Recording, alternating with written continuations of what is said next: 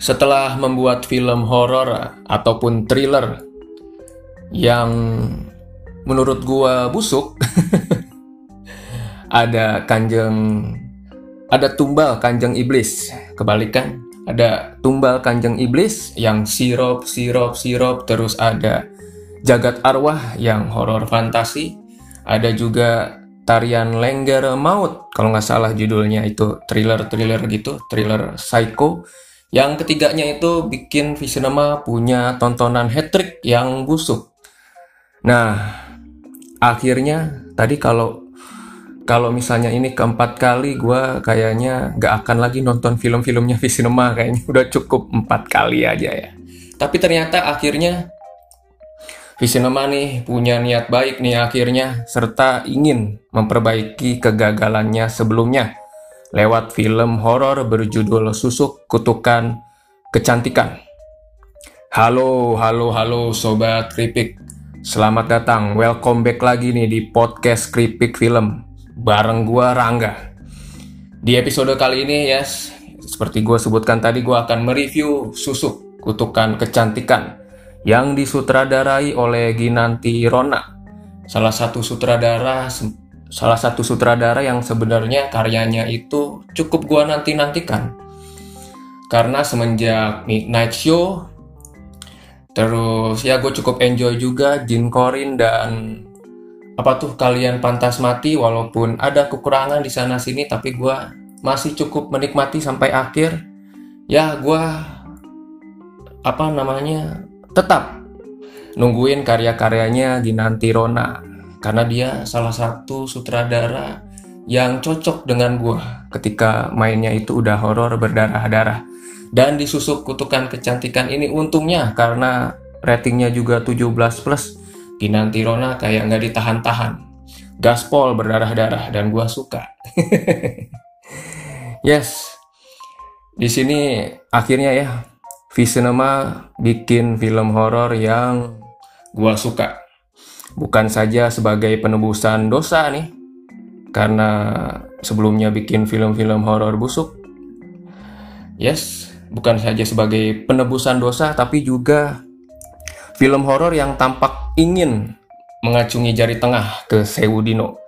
Karena buat gue ketika nonton Susuk ini justru filmnya terlihat lebih Sewudino dibanding Sewudino itu sendiri. Ya ini, ketika gue nonton Susuk inilah yang gue harapkan dari Sewudino. Khususnya treatment body horornya.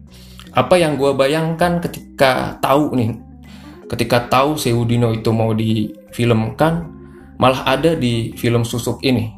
Bisa dibilang Ginanti Rona itu mengobati rasa kecewa gua dengan apa yang sudah disajikan Kimo Stambul di Sewudino. Tak hanya urusan adegan-adegan berdarah nih ya, yang di sini disusuk itu wah, tapi juga suguhan body horornya ini. Di sini benar-benar memaksimalkan body horornya yang ya bisa dibilang meriah Film Susuk adalah horor yang berimbang menurut gue. Buat yang suka penampakan, tentu saja film in, film film horor Indonesia nih.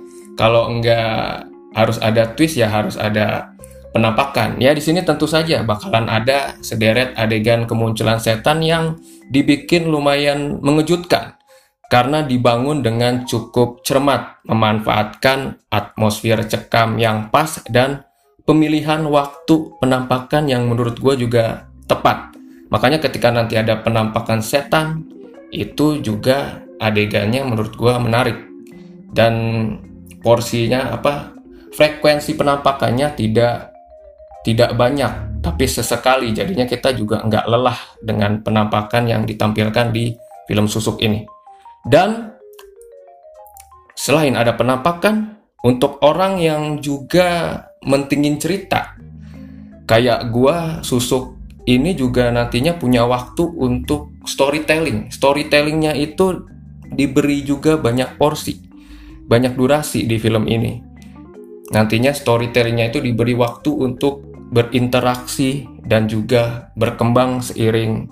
Makin ke sini makin ke sini ceritanya itu berkembang.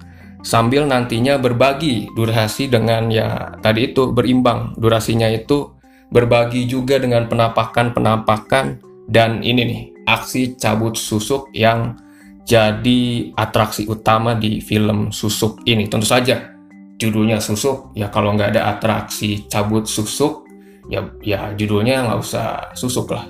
Apa lah kutukan kecantikan kutukan kecantikan aja gitu nggak usah ada susuk susuknya ya karena judulnya susuk ya jadi susuk di sini bukan sekedar judul semata. Nah ini kerennya. Melainkan melainkan bisa dimaksimalkan lewat uh, cerita mitosnya dari susuk itu sendiri nanti dan juga ritual-ritualnya yang bikin cerita itu jadi makin kaya, makin jadi semakin menarik. Jadi susuk itu bukan cuma tempelan aja, tapi memang diceritakan nantinya gitu lewat mitos, lewat ritual-ritualnya. Dan penulisnya Hussein Atmojo yang juga menuliskan untuk Sleep Call dan Katarsis di sini berhasil menuliskan uh, soal susuk itu dengan detail yang cukup menurut gue cukup amazing. Lalu nanti di nanti sukses juga nih memproyeksikan, menerjemahkan tulisannya Atmojo ini menjadi adegan-adegan yang adegan-adegan yang menurut gue wow anjing dan disturbing man salah satu highlight, salah satu spotlight, salah satu kesukaan gua, favorit gua di Susuk tentu saja adegan yang seharusnya ada di Sewudino. Tapi tapi di sini bukan saja orang yang ya tapi di sini bukan orang yang kena santet nih melainkan orang yang kena susuk. Karakter bernama Laras yang sedang sekarat karena memakai susuk ditungguin oleh adiknya bernama Ayu. Ya ini mirip-mirip lah seperti, Sewudino lah, sama-sama sedang menjagai yang satu di, menjagai orang kena santet, yang satu menjagai orang sekarat karena pakai susuk. Tapi di sini susuk lebih Sewudino dibandingkan dengan dibanding dengan Sewu Dino itu itu sendiri. Ya di sini lucunya nih. Dan ketika nanti adegan mencabut susuk itu Ginanti Rona mampu memanfaatkan adegan tersebut supaya bikin penonton tuh ikutan tidak nyaman. Ikutan nanti ketika wah itu kan close up banget ya. Yang gua suka di sini benar-benar close up banget tuh mencabut susuk jadinya bikin kita tidak nyaman bikin tegang sekaligus sekaligus tanpa sadar ya gue tuh kayak ikutan juga merasakan kesakitan pas setiap susuk itu dicabut satu persatu tuh dari tubuhnya. Laras pokoknya seti apa ketika adegan itu pokoknya bikin kita tuh bikin gue tuh ikut ikut teriak ngucap aduh aduh aduh aduh aduh aduh gitu. Serius ini sangat menurut gue sih ya detailnya itu cukup meyakinkan. Apalagi ketika kita tahu di dalam ketika nanti di ronsen ya hasilnya tuh terlihat kalau ada susuknya itu lumayan banyak. Jadi kita tahu wah akan sangat menyakitkan sekali ketika nanti ada ritual mencabut susuknya itu. Dan yang gue suka adalah di sini body horror itu kan jarang ada di film horror Indonesia ya. Yang kebanyakan memang supranatural terus. Nah sekarang ketika ada ketika treatmentnya itu ada body horror nah nggak nggak tanggung tanggung nih. Terornya itu bener-bener geng digenjot lewat body horror itu. Lewat adegan-adegan yang kebanyakan memang memanfaatkan tubuh yang tubuhnya si Laras yang lagi sekarat karena susuk dan nantinya juga terlihatlah semakin busuk. Dan di sini busuknya itu lebih keren gue menurut kalau menurut gue ya dibandingkan lagi-lagi Sewudino susuk benar-benar mengobati gue sih dari kekecewaan Sewudino dari nantinya bau mayat sampai kejang-kejang kayak zombie.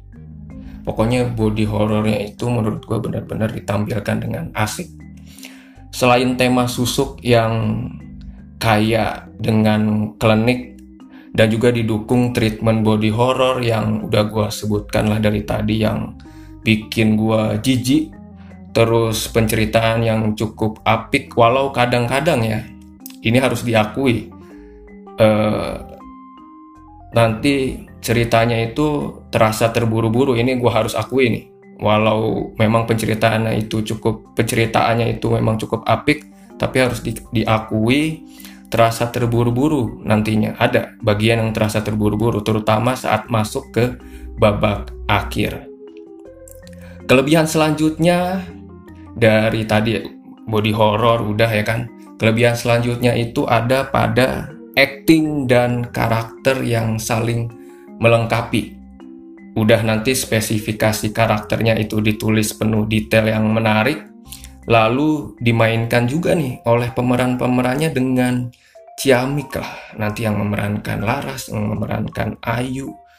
Terus ini nih terutama seorang Muhammad Khan yang nantinya memerankan seorang dukun bernama Prasetyo. Ini pokoknya adegan-adegan yang ada prasetyo-nya itu epic. Dari mulai kemunculan dia cuma di website website prasetyo dengan foto. Dia pakai singlet doang dan duduk ala warteg terus nanti dia beneran muncul dengan songong. Dengan songong tapi tetap dengan memakai memakai singletnya. Karena gua kira di awal Prasetyo ini ah nih dukun tipu-tipu nih. Tetap tapi ternyata dia memang menyembunyikan menyembunyikan apa ilmunya yang tinggi gitu dengan rendah hati ini sih. Ya kebanyakan memang gitu ya.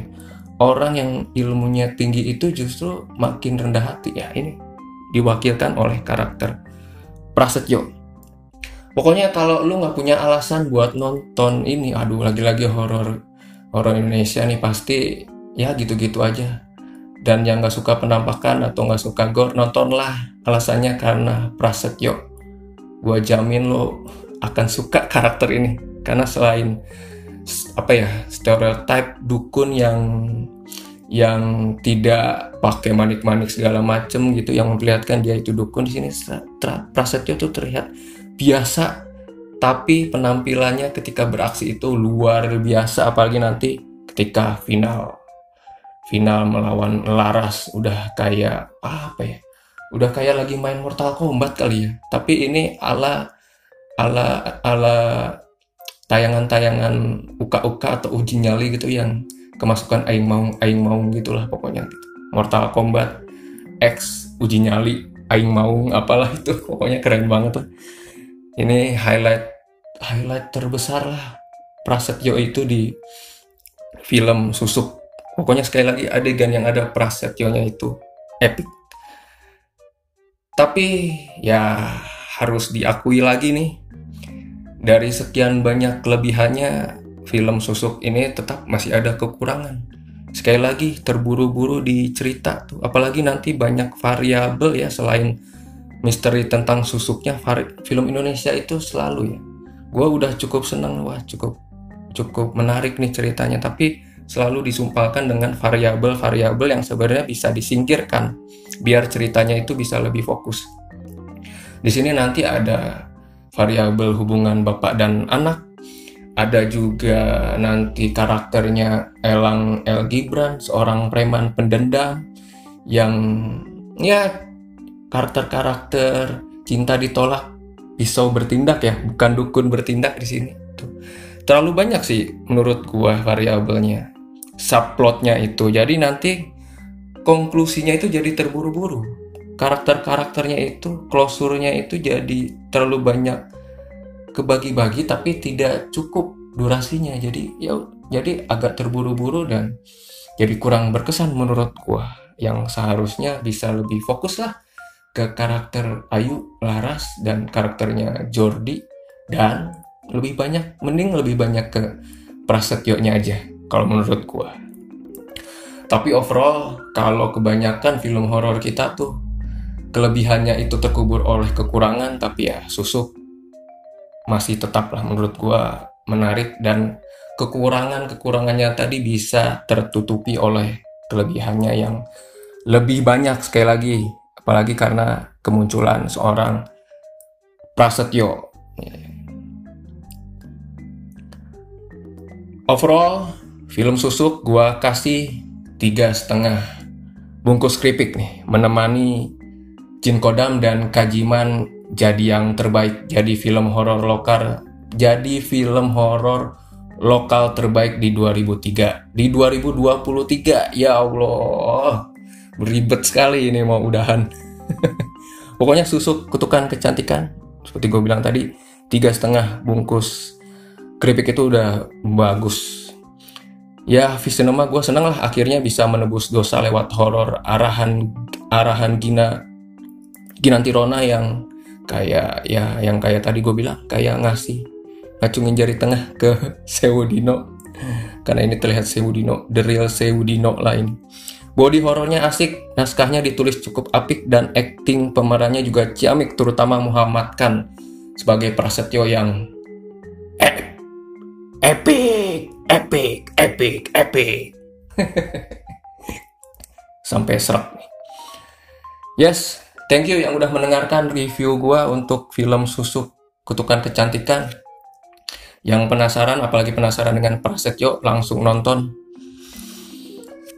jangan lupa jangan lupa sorry udah perlu minum kayaknya jangan lupa di follow Spotify Kripik Film dan juga subscribe YouTube-nya. Kripik Film ya di YouTube biar gue makin semangat mereview. Kalau rame kan gue seneng juga. Sekali lagi thank you yang udah mendengarkan podcast Kripik Film episode kali ini. Sampai jumpa di podcast berikutnya. Gua Rangga thank you. Ciao, bye bye.